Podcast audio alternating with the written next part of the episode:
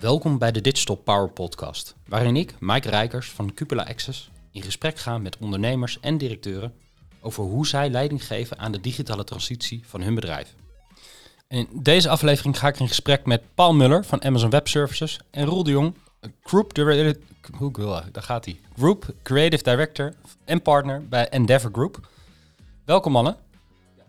Paul, ik, ik, ik las online dat eh, AWS een nieuw fonds heeft gelanceerd van 100 miljoen om te investeren in eh, eh, generative AI-projecten. Kan je er iets meer over vertellen? We hebben dat inderdaad toevallig recent gelanceerd. Gaat over eh, 100 miljoen, waarbij wij zeggen we willen graag bedrijven helpen met hun AI-projecten. En dat doen wij enerzijds door natuurlijk, daar zit funding achter voor, om te kunnen proberen, te kunnen testen, proof of concept funding. Maar ik denk veel belangrijker is dat er training in zit en wij connecteren echt onze specialisten en solution architects en de eh, technische mensen aan deze bedrijven, zodat we er samen aan die oplossingen werken. En uiteindelijk dat is wat we hiermee gelanceerd hebben. Ja, gaaf, gaaf. Dus komt echt veel geld om daar eh, nog versnelling op te krijgen. om veel meer versnelling. Dus het is, de, we hadden het er net heel even in het voorgesprek al even over hè, voor de podcast. Het is iets, AI krijgt nu enorm veel aandacht en trouwens terecht. Maar het is natuurlijk helemaal niet in die zin niet zo nieuw. Hè. We zijn er al jaren mee bezig. Ehm, vanuit, eh, vanuit AWS. En eh waar nu, dat hebben we ook inderdaad gezegd, laten we nou eh, ook echt klanten daar actief bij eh, gaan helpen om daarmee te innoveren.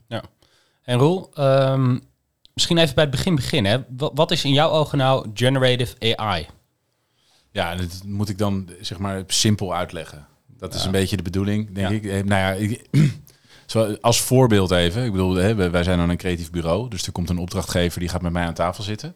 En die stelt mij de vraag, ik heb een logo nodig. En dan zeg ik, oké, nou ja, maar wat is het verhaal van je bedrijf? Want een logo is de kortste samenvatting van, van je bedrijf, et cetera. Ik zeg, wat voor kleuren vind je mooi? En eh, nou, dit en dat, dus en zo. Dan zeg ik, oké, nou dan ga ik eh, dus eh, mijn, mijn hok in. Eh, en dan eh, pak ik mijn potlood en mijn, en mijn tekenblaadje. En dan, dan kom ik er over drie dagen uit. En dan heb ik een logo voor je. Hè? Dus human created, om het zo maar even te zeggen. Dan Ja. doe ik het. Ja, eigenlijk is generative AI voor mij niets anders. Want je stelt eigenlijk in dit geval de machine een vraag met iets wat je graag terug wil zien. Eh, en vervolgens gaat de machine dat voor jou genereren.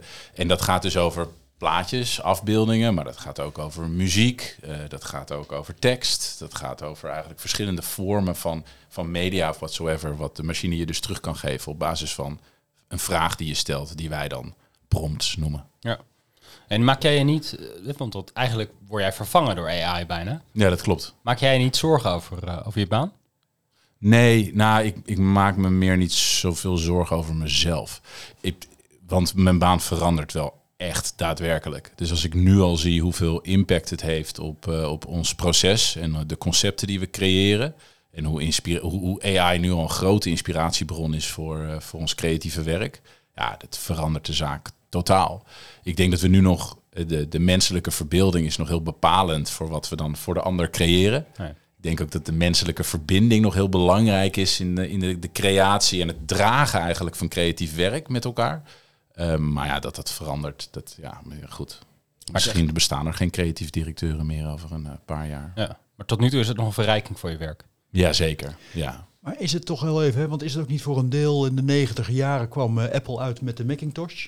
En toen dacht iedereen opeens dat hij een desktop publisher was. En iedereen kon wel een pagina opmaken of een kranten.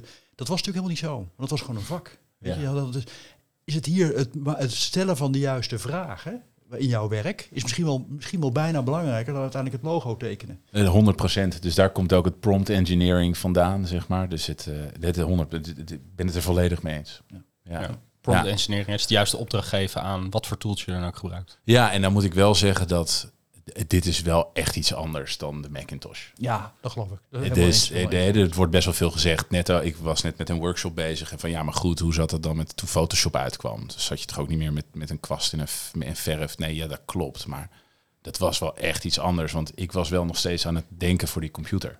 Ja. En nu is dat, dat wordt omgedraaid. En dat is razend interessant. En eh, nou ja, goed, wij bewegen er vol in mee. Ja. Dus dat is het nieuwe, dat de computer gaat denken voor jou. Ja. Ja. En zich dus ook bewust wordt van de context die je, die je, die het geeft. Ja, dat is, ja, goed, dat is waanzinnig. Ja.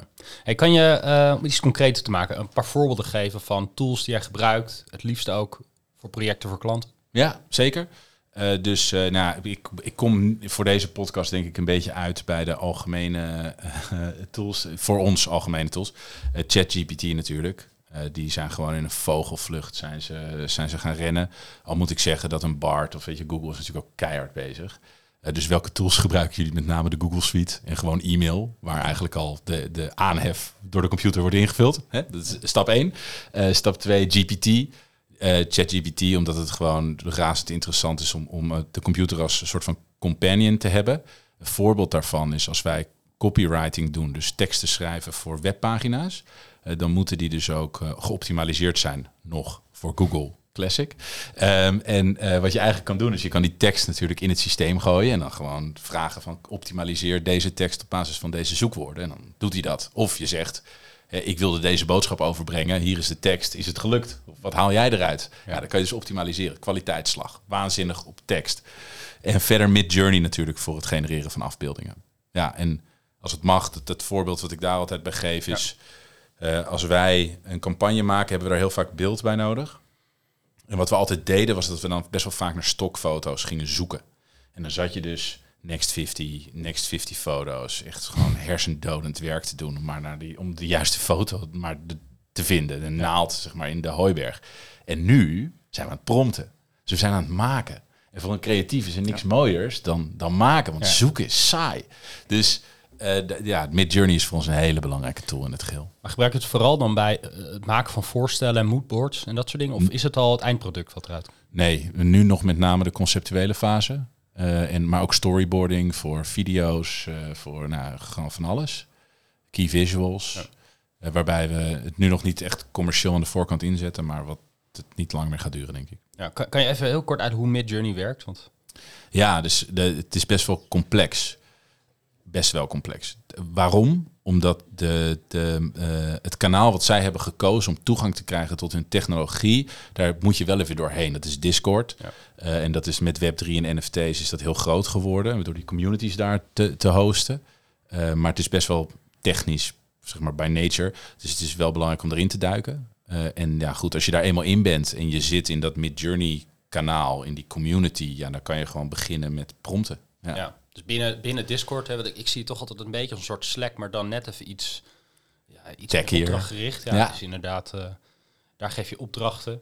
Ik wil een foto van een ijsje of iets dergelijks. En dan ja. maakt hij een foto van een ijsje. En dan kan je ja. ook veel complexer maken. Ja, dus je hebt verschillende uh, uh, functionaliteiten, features. Dus het begint allemaal met een slash, forward slash en dan imagine. En dan mag je je prompt invullen en dan geeft hij je terug waar je naar op zoek bent. Hoop je. Hey, uh, Roel, je gebruikt, gebruikt zelf al veel van dit soort tools. Hè? Jij loopt hier behoorlijk op voorop. je hebt ook waar mensen onder je werken. Ja. Hoe, hoe kunnen die dit volgen? Hoe zorg je dat die mee kunnen in deze beweging? Um, ja, dat is tweeledig. Dus enerzijds gaat dit voor mij over uh, de ontwikkeling van kennis dus om zo snel mogelijk up to speed te komen met wat het dan inhoudt. Waarbij ik ook het heel belangrijk vind dat er aandacht is voor de foundation models. Dus dat je niet alleen maar aan de oppervlakte met die tools werkt, maar dat je ook enig begrip krijgt voor wat er onder de motorkap zit. Zelfs als dat, ja, ik, ik, ken mijn auto niet heel goed, maar ik weet wel waar je de olie bij moet vullen, zeg maar. Um, dus dat vind ik wel belangrijk. Daar hebben wij intern een soort van innovatietraject voor opgezet, waar een eerst twee, ik noem het even high performers, zijn aangehaakt om dit uit te denken, een kennisbank op te bouwen, om dat vervolgens in een grotere tafel uh, te borgen en te embedden. En ook te motiveren om vervolgens dat breder in de organisatie weg te zetten. Dus een soort van ja, waterval-effect. Maar wat zijn, dat zijn dan goede voor, wat zijn voorbeelden van, van dit soort onder de motorkap dingen die je, waar je bewust van moet zijn? Of waar jouw team bewust van moet worden? Nou ja, ik vind het, ik zag, ik denk goed, ik wil niet te filosofisch worden en zo, maar ik hoorde natuurlijk Moga Dat, die ex-Google ex-man spreken. Uh, en die heeft het dan over de T-transformer in GPT. En die zegt, ja, dat is 2000 regels code. Dat is niet zo heel veel op zich. Maar er zit natuurlijk heel veel complexiteit in, laat dat duidelijk zijn. Maar uh, hetzelfde geldt voor, voor Mid Journey. Hoe doet hij dat nou? Dus er zit een soort van large language model, of dus een language model in om, om überhaupt je prompt te interpreteren. Dan gaat hij vol soort van noise, dus het alles kapot, zeg maar. En dan begint hij met een bepaald zaadje. Uh, dus het is heel erg, het is niks van te maken. En dan gaat hij dat heel langzaam denoisen. Gaat hij dat opbouwen weer op basis van referentiemateriaal, dus datasets. Totdat hij bij dat plaatje is. als je dit begrijpt, dan is het geen magie meer, maar is het technologie gewoon, zeg maar. Het is geen magie, maar technologie. En dan ga je er, wat mij betreft, ook anders mee om. Want dan wordt het veel meer een tool dan een soort van lucky shot. Ja. Eh, en dan krijg je het wat meer onder controle. En ja, dat vind ik, dat vind ik gaaf. Dus dat wil ik de mensen meegeven. Eh, en dan de tweede punt is gedragsverandering. Maar dat is voor een andere podcast, denk ik. Ja. Nee, nou, ik ben eigenlijk wel benieuwd. Wat, wat, wat, eh, eigenlijk dat voorbeeld wat je geeft, hè, dat je het nog gebruikt om eigenlijk voorstellen te maken en dan niet als eindproduct. Dat, dat zegt denk ik ook iets met hey, wat doe je met de werkelijke vraag van klanten of gegevens van klanten voordat je het in zo'n zo'n systeem gooit. Wat- het proces wat daarvoor zit. Ja. Ja, dit- dit- dat is dus de klant begrijpen. Eh, en voor mij is het begrijpen. Dus empathie is nog echt iets menselijks. En dat heb je wel nodig om echt een soort van de vraag achter de vraag te herkennen bij een medemens. Eh, en daar is dat, dat is met AI natuurlijk nog niet zo goed te doen, ondanks dat het er steeds beter in wordt.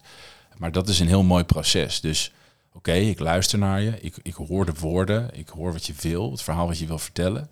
Maar wat voel ik bij jou als je dat verhaal vertelt? En waar voel ik veel en waar voel ik weinig? En wat is dus belangrijk in het verhaal? Wat is minder belangrijk in het verhaal? Waar zit er passie en waar zit er angst? En, waar... en dat, die menselijke connectie is voor mij heel belangrijk in het interpreteren van de klantvraag. Als je dat als creatief kan, dan, ben je, dan, dan ga je. Ja. Eh, en dus dat is iets waar ik mensen wel van bewust wil maken. Bij een soort van human intelligence. Wat ik ook wel eens op LinkedIn heb gezet. Van, we zijn met allen zo onder de indruk aan het kijken naar die machine. Maar laten we ook eens gewoon onder de indruk in de spiegel kijken. Want we zijn als mens nog zoveel meer dan 1 plus 1. We, zijn we hebben zoveel meer in ons zenuwstelsel, in, in, het, in het universum, met de energie waar we onderdeel van zijn. En daar zit heel veel waarde. En die mogen we niet uit het oog verliezen. Ja, mooi. Nou, het automatiseert natuurlijk inderdaad maar een deel. Hè. Daar heb je precies, want je kunt eh, de computer plaatjes gaan het herkennen. Hij kan ook zelf zien of je blij bent of treurig bent of dat soort dingen. Maar dat lost het uiteindelijk is nog geen gevoel. Is nog geen emotie, is nog geen eh, eens. Eens, eens, eens. En heb jij, eh, want toch weer in jouw, jouw rol als, als leidinggevende binnen Endeavor, ehm, hoe, hoe, hoe, ontdek je nieuwe tooltjes, zeg maar? Wat, wat, hoe gaat dat proces? Ga jij gewoon zelf wat proberen of komt er een medewerker van jou aan van, hey, ik heb dit geprobeerd en kijk hoe vet? Eh, ook. Al merk je dat, dat andere kanalen even beter zijn om, om echt alles op te slurpen. Ja, het, het is gewoon s- s'avonds in feutushouding in bed eh, met, eh, met Twitter. nee, ja, Twitter, Twitter LinkedIn. bron. Ja. Zorg dat je de juiste thought leaders vindt. Dus de Ja. juiste experts. Die dus niet alleen maar roepen, yo, je moet nu een business starten en dan verdien je binnen een maand 100 euro per dag. Als je, nee, de juiste gedegen experts, professors, de mensen die er echt kennis van hebben. Eh, en ga die volgen. Heb je tips? Die moeten we Eh, nou, ze zijn met name aan het woord bij een aantal podcasters die de hele, nou goed, in mijn, die mijn wereld inmiddels wel kent. En dat is onder andere natuurlijk Steven Bartlett, die heeft de Diary of a CEO met, eh, dus dat hele verhaal met Mo Gadat zat daar natuurlijk in. Maar hij heeft meerdere prominenten die die, die, die interviewt. En mijn absolute held van deze dit jaar überhaupt is, is Lex Fridman. Eh, dus die heeft dan ook de Lex Fridman podcast. Eh, en die spreekt met mensen als Max Tegmark van MIT. Eh, die spreekt met, ehm, ja, gewoon met, met de, grote der aarde, om het zo maar even te Max, Mark Zuckerberg. Trouwens, eh, dat. En zie jij, zie, jij, zie jij nou ook binnen dat, dat grote techlandschap heel veel veranderingen gebeuren? De, de big tech bedoel ja. je? Ja, gewoon search bijvoorbeeld. Weet je? Daar hoorde ik laatst een verhaal over, over. Dat dit voor het eerst eigenlijk is dat Google in zijn core product eh, Ja, wordt geraakt. ja, een uitdaging heeft in ieder geval. Ja, en ik denk dat M- Ja. AWS daar ook wel een mening over heeft. Nee, nee, Misschien maar- leuk om dat... Ja, maar, eh, maar, maar zeker, er gebeurt ontzettend veel. Het gaat heel hard. En het is ook eh, op, opeens. Maar dat hebben we natuurlijk altijd al gehad. Hè? Dus ik hoorde laatst iemand zeggen, we hebben het nu heel erg over AI en over wie zijn nou de frontrunners, et cetera. Maar we hebben pas drie stappen gezet in de marathon. Ja. Het gaat nog allemaal gebeuren. En als je dat dan heel even vergelijkt met toch weer even teruggrijpen naar vroeger, tussen aanhalingstekens. Wie kent er nu nog Alta Vista of Yahoo of et cetera? Nou, niemand meer. Dat waren ooit de frontrunners. Ja, ja. Dus dat is, daar zitten we nu precies zo in. ja. Dus ik ben heel benieuwd. Zijn we over vijf jaar nog op zoek op Google? Weet je wel? Eh, hoezo? Ja. Ja, interessant. Ja. Ja. Ja, en je ziet dat de big tech wel, ze nemen allemaal wel een eigen, pakken wel een eigen route. Dus Microsoft zit natuurlijk voor, ik, AWS is Ja. een waanzinnig bedrijf. Dat dat eventjes van een boekwinkel uit is gegroeid. Er was, zat natuurlijk altijd een veel grotere visie achter, maar dat die, de services die in AW, binnen AWS worden, worden verleend eigenlijk. Ja, het, is, het is waanzinnig. Eh, maar goed, dat is mijn mening. Ehm, dan heb je natuurlijk Microsoft met Bing. Die hebben natuurlijk gewoon ingekocht op OpenAI. Als je naar de juridische documenten schijnt te kijken, dan is het gewoon Microsoft. Ehm, dan heb je natuurlijk eh, Google vol bezig. Ik denk dat Google veel verder is dan wat ze laten zien. eh, omdat ze bewust en ethisch handelen. Wel, toch? Sundar dan en zo. Dus ik denk dat ze minder laten zien dan wat ze weten. Ehm, zeker met emergent behavior en dat soort dingen. En dan heb je de, de, de engste, eh, vind ik, tussen aanhalingstekens, vind ik Meta. Eh, want die Meta, dus Facebook is ooit groot geworden. Die hebben natuurlijk de term growth hacking gecoind. Dat dit is wat ze deden. Make as many mistakes as you can. En leer zo snel mogelijk dan hoe het wel moet. Ja, dat is tof als je een foto-app lanceert in een, op een universiteit. Maar het is minder tof als je werkt met een technologie als kunstmatige intelligentie en de impact die het heeft op ieder mens in de wereld. En dat nu Lama, het large language model, wat kleiner is dan OpenAI, maar van Meta, wat nu eigenlijk op straat ligt, waar mensen in garageboxen, zolders gewoon mee aan het klussen zijn. Ja, daar vind ik wel wat van, maar dat, dat daar gelaten. Dus maar die hebben weer een andere aanpak eigenlijk. Die gaan er wel vol in. Uh, ja, en zo zijn er nog een paar uh, spelers uh, in de markt die, die bezig zijn. Ja. Ja. Ligt, daar, ligt daar voor jou ook een, een, een, rol voor Endeavor als creatief digitaal bureau om, om andere bedrijven daar een soort wegwijzing te maken? Uh, ja, door het ook toe te passen in ons werk. Maar ik, ik, ja, ik voel het, het is voor mij ook wel, en dat merk je misschien ook wel in dit gesprek of, of op LinkedIn. Of, het is voor mij persoonlijk ook wel een ding. Want ik, ik, ik ben in staat om het te doorgronden en ik ben in staat om heel veel patronen te zien en, en te herkennen. En ook te zien waar het naartoe gaat, maar ook te zien wat het nu praktisch voor mensen betekent.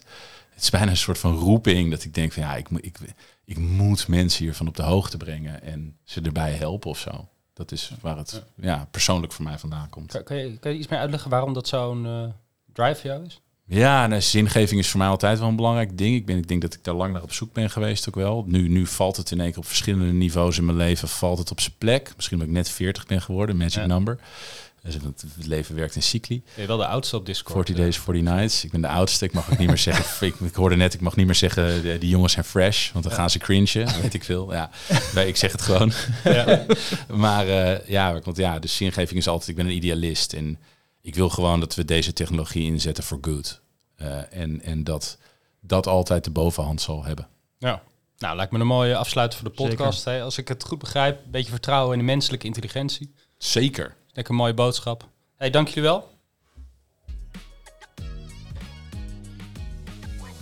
Bedankt voor het luisteren naar de Digital Power Podcast. De Smart Business Series zijn opgenomen in de koepel in Haarlem en powered bij Amazon Web Services, Cloud Nation en Luminous. Je leest meer op cupulaaccess.nl slash digitalpower.